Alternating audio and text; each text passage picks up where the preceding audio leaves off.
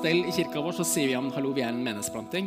Når ting går ganske bra, så sier vi vi er en menighet. Så vi er et sted midt imellom der. Eh, men vi er i hvert fall ikke gamle. Men vi har rekt å få denne tradisjonen i årshjulet vårt, at vi starter de to første ukene med en tid hvor vi fokuserer på tilbedelse, på bønn og på faste. Eh, det er så mange ting som ligger foran oss, det er så mange ting i kirka hvor vi har lyst til å kaste oss ut i med en gang. Eh, men så, som fellesskap så sier vi vet hva, vi starter dette året her framfor Guds ansikt sammen. Der hvor alt starter. De av dere som var med oss på en sånn serie vi kalte Love Your Nei, Fight Your Enemies. Eh, det er så mye mer vanlig for oss å si 'love your enemies'. Men vi hadde en serie vi snakka om det å kjempe med ting og tang. Vi kom inn på noe som eh, kirkefar Augustin sa om det velsignede livet. og Han sier at det velsignede livet, eller det livet Gud ønsker å gi oss, er et liv hvor vi elsker ting i riktig rekkefølge. Han sier at det er ikke noe galt å elske katten din, men hvis du elsker katten din mer enn kona di, så vil noen mene at det er et problem. Det er ikke noe galt å elske karriere og jobben din. Hvis du elsker det mer enn Gud, så er det en stor utfordring. Og Det vi skal gjøre de ukene, her, at vi kommer sammen for bare stemme hjertet vårt, stemme sinnet vårt, og prøve å elske i riktig rekkefølge. Så bøyer vi oss ned og så bekjenner vi for Gud at om det ser sånn ut alltid, om det føles sånn alltid eller ikke, så bærer vi på en lengsel om at du skal få lov til å være herre i livet vårt. At du skal få være Gud i livet vårt. Og så gjør vi det ikke aleine. Vi skal komme sammen ofte de to ukene her. Vi har snakka om bønn for Oslo. Uka etter så møtes vi også tirsdag og torsdag her til bønn klokka sju. Og Så inviterer vi hverandre også til faste. Eh, og Når noen hører faste, så tenker man liksom at det er next level. det er liksom, Da er kloster det neste. Eh, men faste, folkens, det å bevisst sette noe til side for å fylle seg med noe annet, for å vokse i livet med Gud, det er en praksis, eller det er noe som har vært helt sentralt i kristne menneskers liv. Helt fra den første generasjon, helt til langt ut på 1800-tallet så var det forventa at hvis du er kristen, så faster du. Så å faste er rett å si at for en periode nå så setter jeg noe foran meg selv. Kroppen har sine behov. Vi trenger mat. Men for en periode sier jeg at det er noe vi trenger enda mer. Og det er Gud, det er Hans ord, det er Hans nærvær over livet vårt. Vi ber ofte med hodet, vi ber ofte med hjertet, men i denne perioden her skal vi også få be med kroppen vår. Jeg har laga et sånn bibelstudie som ligger på nettsida vår imikollektiv.no om faste. så Hvis du har lyst til å lese litt mer om det, så gjør det gjerne der. Jeg har lyst til å si også at der Noen sier sånn at jeg skal ha noen uker uten skjermbruk. Og jeg tenker fantastisk. God idé. Noen sier vet du hva? Jeg skal ha en periode nå hvor jeg ikke spiser sukker eller ikke har i meg koffein. Kjempebra. Men det som er en bibelsk faste, det er å avstå fra mat. Og jeg har lyst til å bare invitere alle sammen inn. vet du hva, To uker. Jeg kommer ikke til å faste to uker. bare for å ha sagt det. Hvis to uker er voldsomt for deg, kanskje jeg skal klare to døgn. Hvis to døgn er voldsomt for deg, prøv to måltider. Forrige gang, eller ja, Nå høres ut som jeg faster veldig mye, jeg skal ikke skryte meg det, men en av de siste gangene jeg fasta, så var jeg på et bønnesenter i Levanger. Eh, og den siste da, eller Mot slutten av fasten så var jeg hjemme hos ei som har vært en slags mentor for meg når det kommer til bønn og overgivelse til ting der. Og så, mens jeg er der, så begynner hun å, å bake sjokoladekake. Eh, og så setter hun på kaffe, og jeg tror det er sånn at når du faster, så blir sansen litt, skjerp, litt skjerpa. Så her lukter jeg kaffe og sjokoladekake. Og så sier hun at 'nå trenger du sjokoladekake'. sier hun. Eh, og vi spiste, og hun vet du hva? Nå begynte det her å bikke over i loviskhet. Nå begynte du å skulle prøve å sette en ny personlig rekord. Og vet du hva? Ikke la det her bli en lovisk sak i livet ditt. Da er det bare å bryte. Men det er en gave, det er et bønnespråk som Gud har gitt oss. Det er en mulighet. Ok. Skal vi gå inn i teksten? I dag er det faktisk bare ett et vers som er utgangspunktet for det jeg har lyst til å si noe om. Det står i Matteus 22. Og hvis Levi, vår venn bak, er i ånden, så kommer det. ut. Dere kjenner det verset her. Mester, hvilke bud er det største i loven? Han svarte, du skal elske Herren din Gud av hele ditt hjerte, av hele din sjel av all din forstand. En annen måte å si det på er at det dypeste, den største og den sterkeste lengselen i Guds hjerte er ikke at du skal tjene ham, men at du skal elske ham. Og Jeg måtte bare stoppe opp når jeg leste det. Elske ham. Jeg tror Til mine nære venner så hadde jeg ikke tort å si det. Jeg tror jeg ville sagt noe sånn Jeg setter så pris på at dere er glad i meg. Jeg har så lyst til at vi kan henge sammen, at vi har vennskap til vi dør. Men å si at jeg lengter etter at dere elsker meg Det er noe nært, og det er noe sårbart av det Gud sier. Det er min største lengsel. Uansett hvor mennesker har levd, uansett hvilket kontinent, kultur, bakgrunn, fattig, rik, så har alle mennesker til alle tider hatt samme mulighet til å møte Guds dypeste lengsel, nemlig å elske ham med hele sitt hjerte. Det står to lignelser veldig kort oppsummert i Matteus 13. Den første går noe sånn som det her, at en mann finner en skatt gjemt i jorda. Er det noe med den skatten som tar hans hjerte, sånn at han selger alt det andre for å få tak i den skatten. Det er historien om Gud. Og så går det videre. vet du hva? Det er en mann som finner en perle. Og den perlen er verdt alt det andre han selger. Blir kvitt alt annet, for denne perlen må han ha. På Jesu tid å, dykke etter perler det var ganske sånn risky business. Du tok tau og festa noen store steiner rundt deg og kasta deg i sjøen. Men det var det Jesus gjorde. Han risikerte livet sitt, kasta seg ned til bunnen og fant skatten, og det er oss. Og vi er hans skatt, som han er villig til å legge alt annet side for. Og så er utfordringen til oss Vil vi gjøre det samme? Kan Jesus være den skatten i våre liv som gjør at vi er villige til å ofre noe? og legge noe til side. Det fins ikke mange shortcuts i det kristne livet, men jeg tror det finnes noen. Og en av de er Kanskje kommer du inn her inn i et nytt år og så tenker du hva, i år skal jeg prøve å be litt mer. Jeg skal prøve å gjøre dumme ting litt mindre.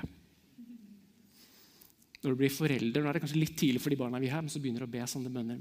Gud, jeg ber om at de skal holde seg unna dårlige venner, holde seg unna hasj.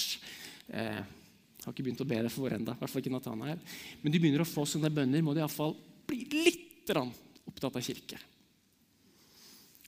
Og så er det kjempefine bønner. Og så går det an å bare ta én radikal bønn i scenen. Gud, la oss få en åpenbaring av hvor radikalt rått du elsker oss. La oss ta det inn til skjelettet vårt, at du har gitt livet ditt for oss. At evigheten er virkelig, at himmelen er virkelig, og at du elsker oss og kaller oss til fellesskap med deg. Når det går opp for oss, så er det en del ting som faller av. De bønnene kan du begynne å be for deg sjøl og de rundt deg. Det er sånne bønner Paulus ba. Ok, så Her kommer Gud og med denne lengselen, dette ropet, denne befalingen til at vi skal elske Gud. Og så støter det borti noe av oss fordi at vi kan føle oss så halvhjerta. Vi hører Guds lengsel, ser hverdagen vår, og så kan det komme en slags barriere, for dette henger ikke helt sammen. Hvis du, sånn som alle de andre her, kanskje med et par unntak, kan kjenne på det, så har jeg lyst til å gi deg et bibelvers. Det står i første, eller det står i Høysangen, faktisk. Høysangen 1,6. Svart er jeg, men søt. Dere i Jerusalem støtter det. Svart som Kedars telt, som Salomos teltduker.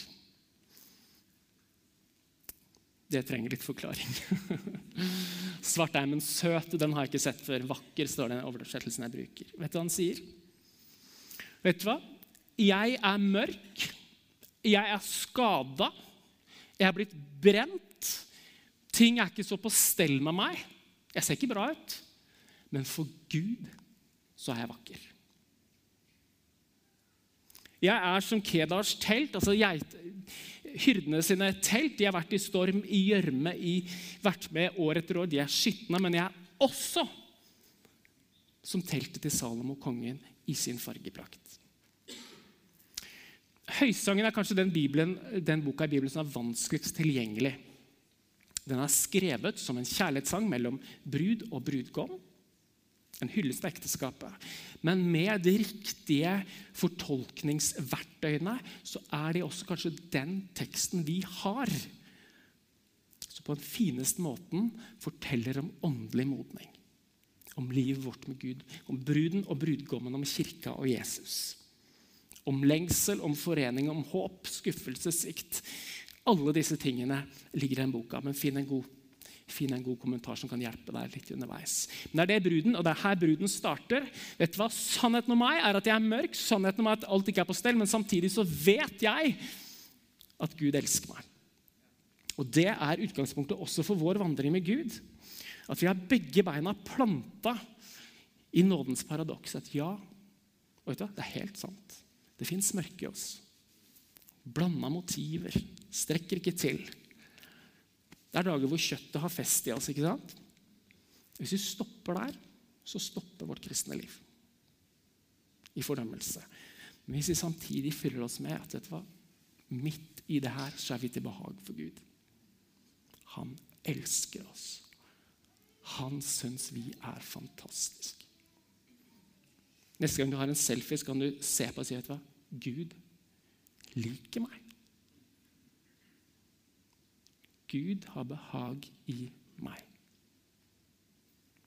Ok, Jeg skal gi deg noen grunner til at hvorfor Gud elsker deg. For det første beauty is in the eyes of the beholder. Har dere møtt, eller Noen av dere er foreldre, noen har møtt nybakte foreldre. Er det ikke utrolig at med fulle bleier og med gulping så er allikevel akkurat denne babyen det vakreste som fins, det søteste som fins, det mest spesielle som fins? Er han ikke god? Er han ikke helt spesiell? Så får vi lov til å føle det. Og så er Gud vår mor og far, vår forelder. Kanskje han tenker det samme. Ser dere ikke? Fantastisk. Jeg er meddommer i Oslo tingrett. Jeg blir kalt inn sånn et par ganger i året. Jeg husker det var en som hadde redd med narkotika, solgt narkotika, hadde noen voldsepisoder også. Så, så sitter vi der på bakrommet etterpå, en dommer, og så er vi to meddommere. Vi to meddommerne er normale mennesker uten veldig mye innsikt, og så er det en dommer som, som kan det. Og Så sitter vi her og skal diskutere en måte, kjennelsen, liksom, straff og sånn. Og Hun andre meddommeren er en dame sånn i 60-årsalderen. Og så er hun så skjønn. Og Der vi ser en voldsmann og en narkolanger, så sier hun til deg den gutten har potensial. Nå har han jo bestemt seg for å ta opp videregående skole. For en mann. Eller han er så god. Vi tror på han. Vi må gi han muligheter. Så satt jeg og spiste lunsj med henne senere, en litt eldre dame. Og Så viser det seg at hun har tre sønner, hvorpå de to eldste virker som har klart seg fint, men den yngste sønnen han har blitt svak for alkohol har kommet litt på, på, på siden og på skeiva. Og så skjønner jeg det, at denne dama hun har øvd seg på å se potensialet i Trouble Kids. Hun har øvd seg på å lete etter gull dersom vi andre ikke ser det så lett. Og tenk om det er sånn at Gud teller hvor mange skritt du klarer, mer enn han teller fall. Tenk om det er sånn at når du er motløs og skuffa over deg sjøl, så ser Gud en soldat som er såra i strid, og han sender deg sine engler. Han sender deg en menighetsfamilie som ønsker å puste liv i deg, som skaper mot i deg. Tenk om det er sånn at når du ser en håpløs kar i speilet, så ser Gud en disippel som vil, som prøver. Tenk om det er sånn. Jeg husker En av mine største utfordringer var spesielt Jeg var ungdomspastor for 100 år siden. og da eh, Det føles som det er 100 år siden. Eh, jeg og Anita var nygift, og vi krangla ganske mye. Kjempa ekteskapet vårt. Jeg syntes det var så krevende å stå i tjeneste. Og så var det så mange ting i livet som ikke var 100 på stell. Eh, og Den største utfordringen var at jeg kjente er jeg en hykler. Er dette hykleri? Vet du hva han kjente igjen? Er jeg en hykler? Så hadde jeg så forløsende prat med en som sa vet du, Lars, det her er jo ikke hykleri. Hykleri er når du sier noe og ikke har noen intensjon om å holde det. Det er noe annet enn å si noe og ikke strekke til å få det til. Og Kanskje sitter du sånn at dypest sett så er jeg en hykler. Jeg synger disse sangene til deg. Kanskje du ikke er en hykler. Kanskje du bare prøver å ikke få det til hele veien. Mike Bickel, en forfatter og en slags bønneleder, han, jeg synes han har et fantastisk bilde på det. Han sier at vet du hva? sauer og griser kan bli like skitne. En kristen og en som er ikke-kristen, kan bli like skitne. Men forskjell på en gris er at en gris fryder seg over sølepyttene, drømmer om sølepytter, ber om flere sølepytter. Mens lammet er lei seg for denne sølepytten, prøver å gjøre seg tegn og drømmer om kvelden om å slippe å falle i sølepytter. Der er det en stor forskjell. Hvis du har vært her mer enn to ganger, så har du hørt meg sitere mitt favorittvers, som er Johannes 15, 9, hvor det står et vanvittig bibelvers. Hvor Jesus sier at på samme måte som far elsker meg, elsker jeg dere. Det er et sånt vers som du blir svimmel av å ta inn. Og Jeg skal ikke gå inn på det, men kanskje gjennom denne fasteprosessen Uansett om du kommer hit og har fasta en måned og har lest Bibelen på en uke på gresk, eh, solgt alt du eier for å gi det bort, eller om du bare kommer og drar beina dine inn hit vet du hva? på samme måte, like intensivt som Gud elsker Jesus, elsker han deg.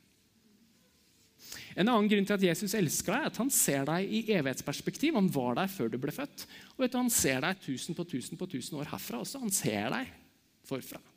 Han ser deg når du er perfekt helliggjort i tilbedelse foran Guds trone. Han ser deg. Så kan han tenke at det var litt trøbbel på starten med han karen der, men se hvem han har blitt. Se for en fantastisk fyr han har blitt.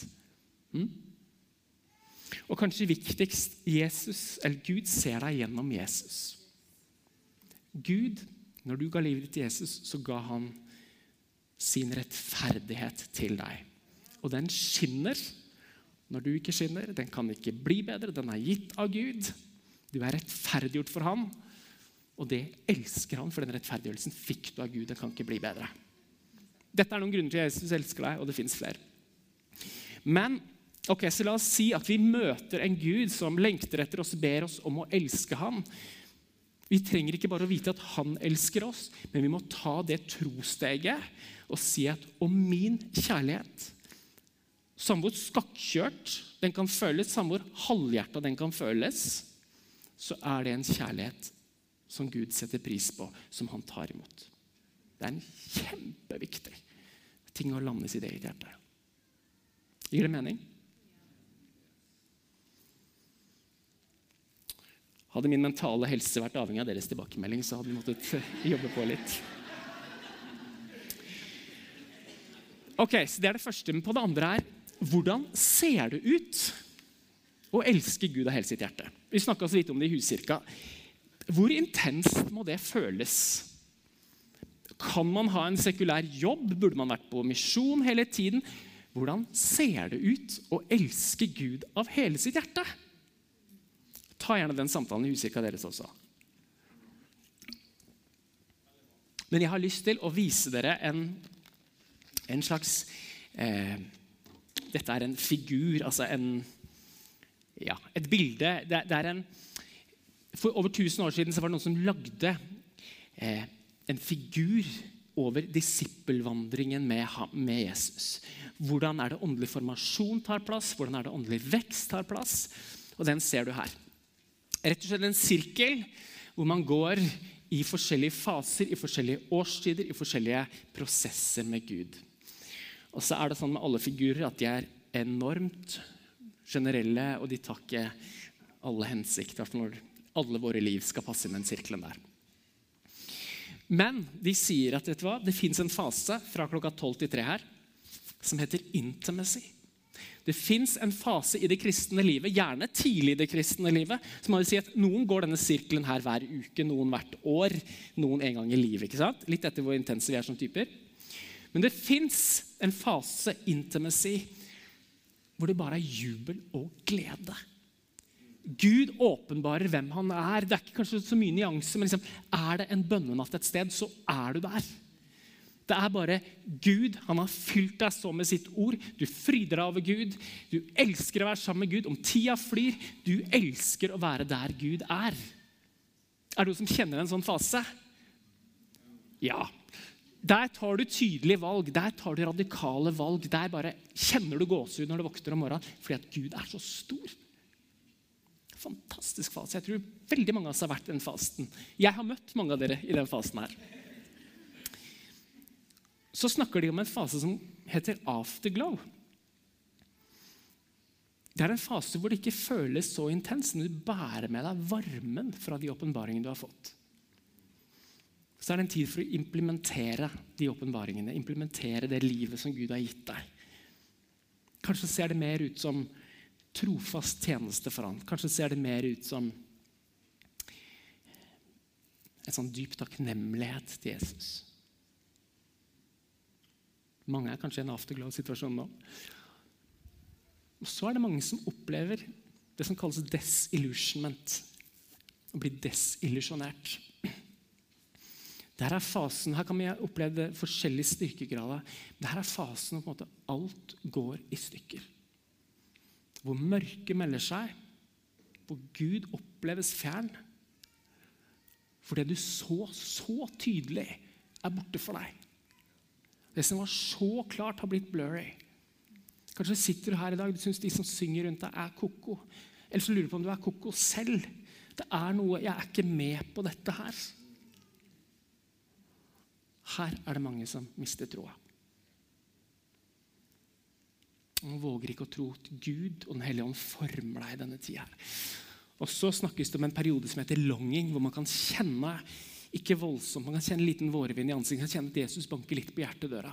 Utfordre deg til å tørre igjen, være villig til å gå igjen. Og så kan det dra deg inn i intimacy. De snakker om en sånn bevegelse. Jeg tror kanskje mange av oss kan kjenne igjen i hvert fall bruddstykker av det i våre liv. Når jeg leste om denne her første gang, så tror jeg jeg var 22 år. Og så tenkte jeg at den er fin som en trøst for de som ikke er i intimacy-fasen. Jeg har vært heldig i mitt liv. Jeg har vært mye der. Jeg var lenge i den fasen, og så tenkte jeg at dette er en god pedagogisk trøst. Men jo eldre jeg har blitt, jeg har ikke blitt veldig gammel, det jeg ser, er at det er jo Gud som har skapt sesongene. Det er jo Gud som vil sesonger. Han vil til og med vinter og død for å bringe fram noe nytt. Så det her er ikke plan B. Gud jobber med oss i fasonger. Vi som har vært gift en stund, vet at kjærlighet kan se forskjellig ut i forskjellige fasonger. Hvordan ser helhjerta kjærlighet ut i intimacy-fasen? det er jubel og begeistring.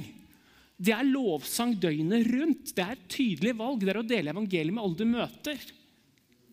Og vet du hva? Det berører Guds hjerte sterkt. Det er her du liksom rister på hodet over de som ikke drar på festival hele sommeren. Kjenner den? Jeg har vært lenge her. Afterglow, Hvordan ser helhjerta kjærlighet til Jesus ut i en sånn afterglow-periode? Jeg tror det ser ut som en sånn dyp, trygg takknemlighet til Jesus. Jeg tror det ser ut som å ta fram Bibelen, takke Jesus når du er ute og går. Snakke litt med Jesus når du er ute og går. Tjene trofast. Det berører Guds hjerte.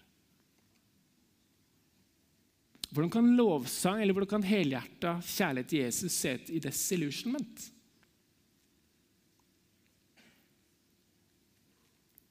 Jeg er helt sikker på at den kjærligheten du gir han i denne perioden, rører Gud dypt. Det kan være bare holde fast Johannes 15, 15,9.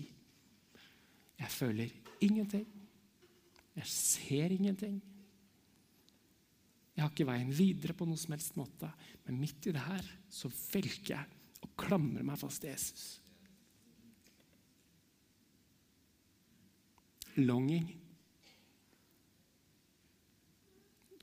Kanskje er det den perioden å bare si ja til Jesus igjen. Jeg har vært igjennom tøffe ting, men jeg tror igjen. Jeg vil igjen. Eller jeg vil egentlig ikke, men jeg vil det litt. Og gi Gud rom igjen. Tilbe ham når det ikke føles helt naturlig for deg. Vet du hva? Vi kan være helhjerta framfor Gud. Og kanskje er du mye mer helhjerta enn du trodde når du kom inn døra her. Kanskje har du tenkt at dette, å elske Gud hele mitt hjerte, det er å komme tilbake til den intimacy-fasen. Det er å ta med deg Johannes 15,9 inn i alle disse fasene. Klamre deg fast i det.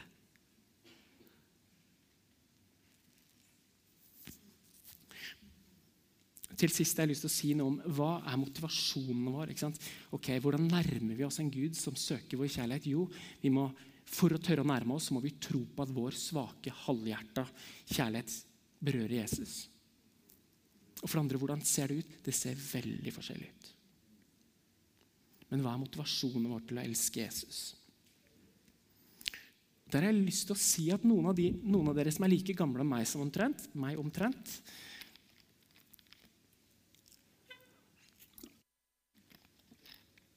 Vi har blitt litt infisert på en litt usunn måte, tror jeg. Jeg har hørt veldig mye forkynnelse i mitt liv som er sånn Kom til Jesus, og så vil han gi deg alt. Og så har det kanskje bare i mitt hode, eller kanskje også noe i forkynnelsen vært at fokuset har vært litt alt det jeg skal få. Det kan være liksom The sky is the limit, you can change the world. Ja takk. Du skal bli kjent, du skal bli TV-stjerne, du skal Gud skal gjøre noe helt voldsomt i ditt liv. Nå kan det være noen som er kalt til det her, så jeg skal ikke tråkke det ned, men noe i oss har blitt litt forstyrra. Det var jo ikke sånn at Matteus og Markus de skrev jo ikke bøker for å få en bestselger. Noe av disse folka, det var ikke sånn at De gjorde dette for at de skulle bli kjent i ettertid. De hadde møtt Jesus. Og ut ifra det som skjedde til ting Ut ifra møtet Jesus kan det skje svære ting. I misiologi, som er et fag, så snakker man om noe som heter 'salvation and lift'. Altså, eh, er et studie fra Brasil for eksempel, hvor evangeliet har gått voldsomt fort fram. Så er det sånn at De tar imot Jesus, og så ser de at de som tar imot Jesus, veldig fort gjør en klassereise. Men det handler i stor grad om at de kutter alkohol, er trofast på jobb, bruker pengene på gode ting. Så det skjer velsignelser i sporet av å ta imot Jesus. Og det har ikke jeg lyst til å, trekke ned. det hele tatt. Jeg tror på Guds velsignelser. Men det skjer noe med oss hvis vi søker disse tingene mer enn Jesus. At Jesus ikke er godt nok i seg selv. Og Neste søndag skal vi snakke om det, den andre biten av det store budet, nemlig å elske hverandre som seg selv, elske sine medmennesker. Men også her kan vi gå på en liten smell. Vi kan tenke litt sånn at vet du hva? jeg tar imot Guds kjærlighet, så jeg kan gi den ut. Jeg tar imot fra Jesus, sånn at jeg kan ha kraft til å stå her og preke for dere nå. Og så er jeg tom, og så går jeg inn for Jesus og gir det ut. Det ikke sånn totalt skivebom, det er litt skivebom. Skal vi lese fra Lukas 7 her mot slutten. Ja. En av fariseerne innbød Jesus til å spise hos seg. Og Han gikk inn i fariseerens hus og tok plass ved bordet. Nå var det en kvinne der i byen som levde et syndefullt liv. Da hun fikk vite at Jesus lå til bords i fariseernes hus, kom hun dit med en alabastkrukke med fin salve. Hun stilte seg bak Jesus nede ved føttene og gråt så begynte hun å fukte føttene hans med tårene, tørke dem med håret sitt. Hun kysset føttene hans og smurte dem med salve. I Bibelen er ofte olje et bilde på Den hellige ånd, men det er også et bilde i Nytestamentet på vår tilbedelse, vår kjærlighet og overgivelse til Jesus. Og Her sitter Jesus og spiser, sikkert bare, bare menn. Men så kommer denne dama som ikke klarer å holde tilbake sin takknemlighet. Og hun knuser denne dyre salva bare for å tilbe Jesus, bare for å vise sin takknemlighet. Og så vet jeg at I evangeliene så finnes det en historie som er ganske lik. en tekst som er ganske lik. Det handler om Martha Maria, Maria som kom inn for Jesus og knuser denne dyrebare salveoljen. Og De som kan mer enn dette her enn meg, de sier at den oljen som Maria hadde De tror at det var Martha som arva huset, mens Maria hadde denne dyrebare oljen som skulle være en medgift, sånn at hun kunne bli gift en dag. At hun kunne gi det til foreldrene til den hun gifta seg med. At den oljen det var hennes skatt i livet, som kunne være det som forsørga henne og ga henne en trygg framtid. Maria knuser også den over Jesus. Søler det bort, vil noen si. Over Jesus i tilbedelse. Det er litt av utfordringen der. Men det jeg hadde lyst til, er at vi skal lese siste del av den teksten. Så vendte Jesus seg mot kvinnen og sa til Simon, han som var vertskap. Ser du denne kvinnen? Jeg kom inn i ditt hus. Du ga meg ikke vann til føttene mine, men hun fukta dem med tårer og tørket dem med håret sitt. Du ga meg ikke noe velkomstkyss, men helt fra jeg kom, har hun ikke holdt opp med å kysse føttene mine. Du salvet ikke hodet mitt med olje, men hun smurte føttene mine med den fineste salve. Hører dere hva som er underforstått her? Jesus lengta etter, Jesus ville ha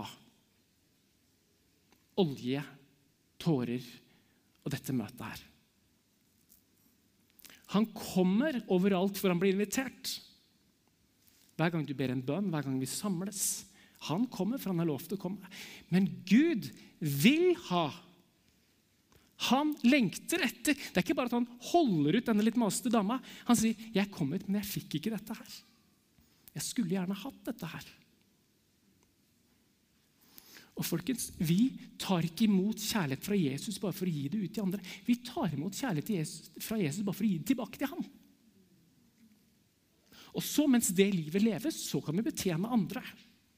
Men det er ikke sånn vi tar imot en vare for å gi det ut eller for å få noe annet. Vi elsker Jesus for at han er verdt å elske. Og vet du hva? Da åpner det seg noen nye dører i det med bønn og tilbedelse.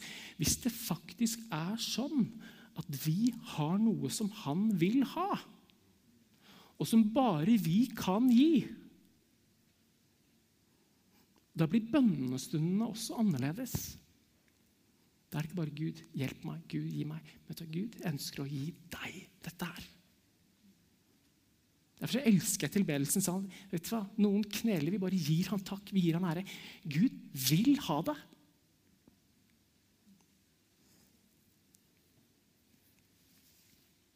Vi skal dele nattverden. Jeg har lyst til å si at vet du hva? I kveld eller i morgenkveld når det er litt mer skyfritt, kanskje, gå ut, legg hodet bakover og se opp mot stjernene. Og så kan du tenke at det var han som skapte dette her. Han lengter etter noe som jeg har, og som jeg kan gi ham. Og Hvis ikke det gjør noe med hodet ditt eller hjertet ditt, da må du ta MR. altså. Det er en voldsom tanke. Og det bør vekke noe i oss. Skal vi be en enkel bønn? Kjære Gud. Du ber oss faktisk om å elske deg. Og Når du ber om det, så er det også en mulighet til å gjøre det. Så vi ber Helligånd om at du vekker opp noe i hjertene våre. Vi ber Helligånd om at du puster på noen glør i hjertet vårt. Sånn at vi ikke bare synger til deg, at vi ikke bare tilhører deg, men vi skal få lov til å møte kristne i denne byen som elsker deg. Som kommer med olje, som kommer med tårer, som kommer og, og ærer deg når du kommer. Be om at en kirke her skal være et sånt sted. Be om at mitt liv skal være et sånt sted. Helligånd, fyll oss med en kjærlighet til deg. Gjør ting de to ukene her, Jesus. Gjør ting i det livet som er i desillusionment, Jesus. Det mennesket som er i en lengselsperiode i livet.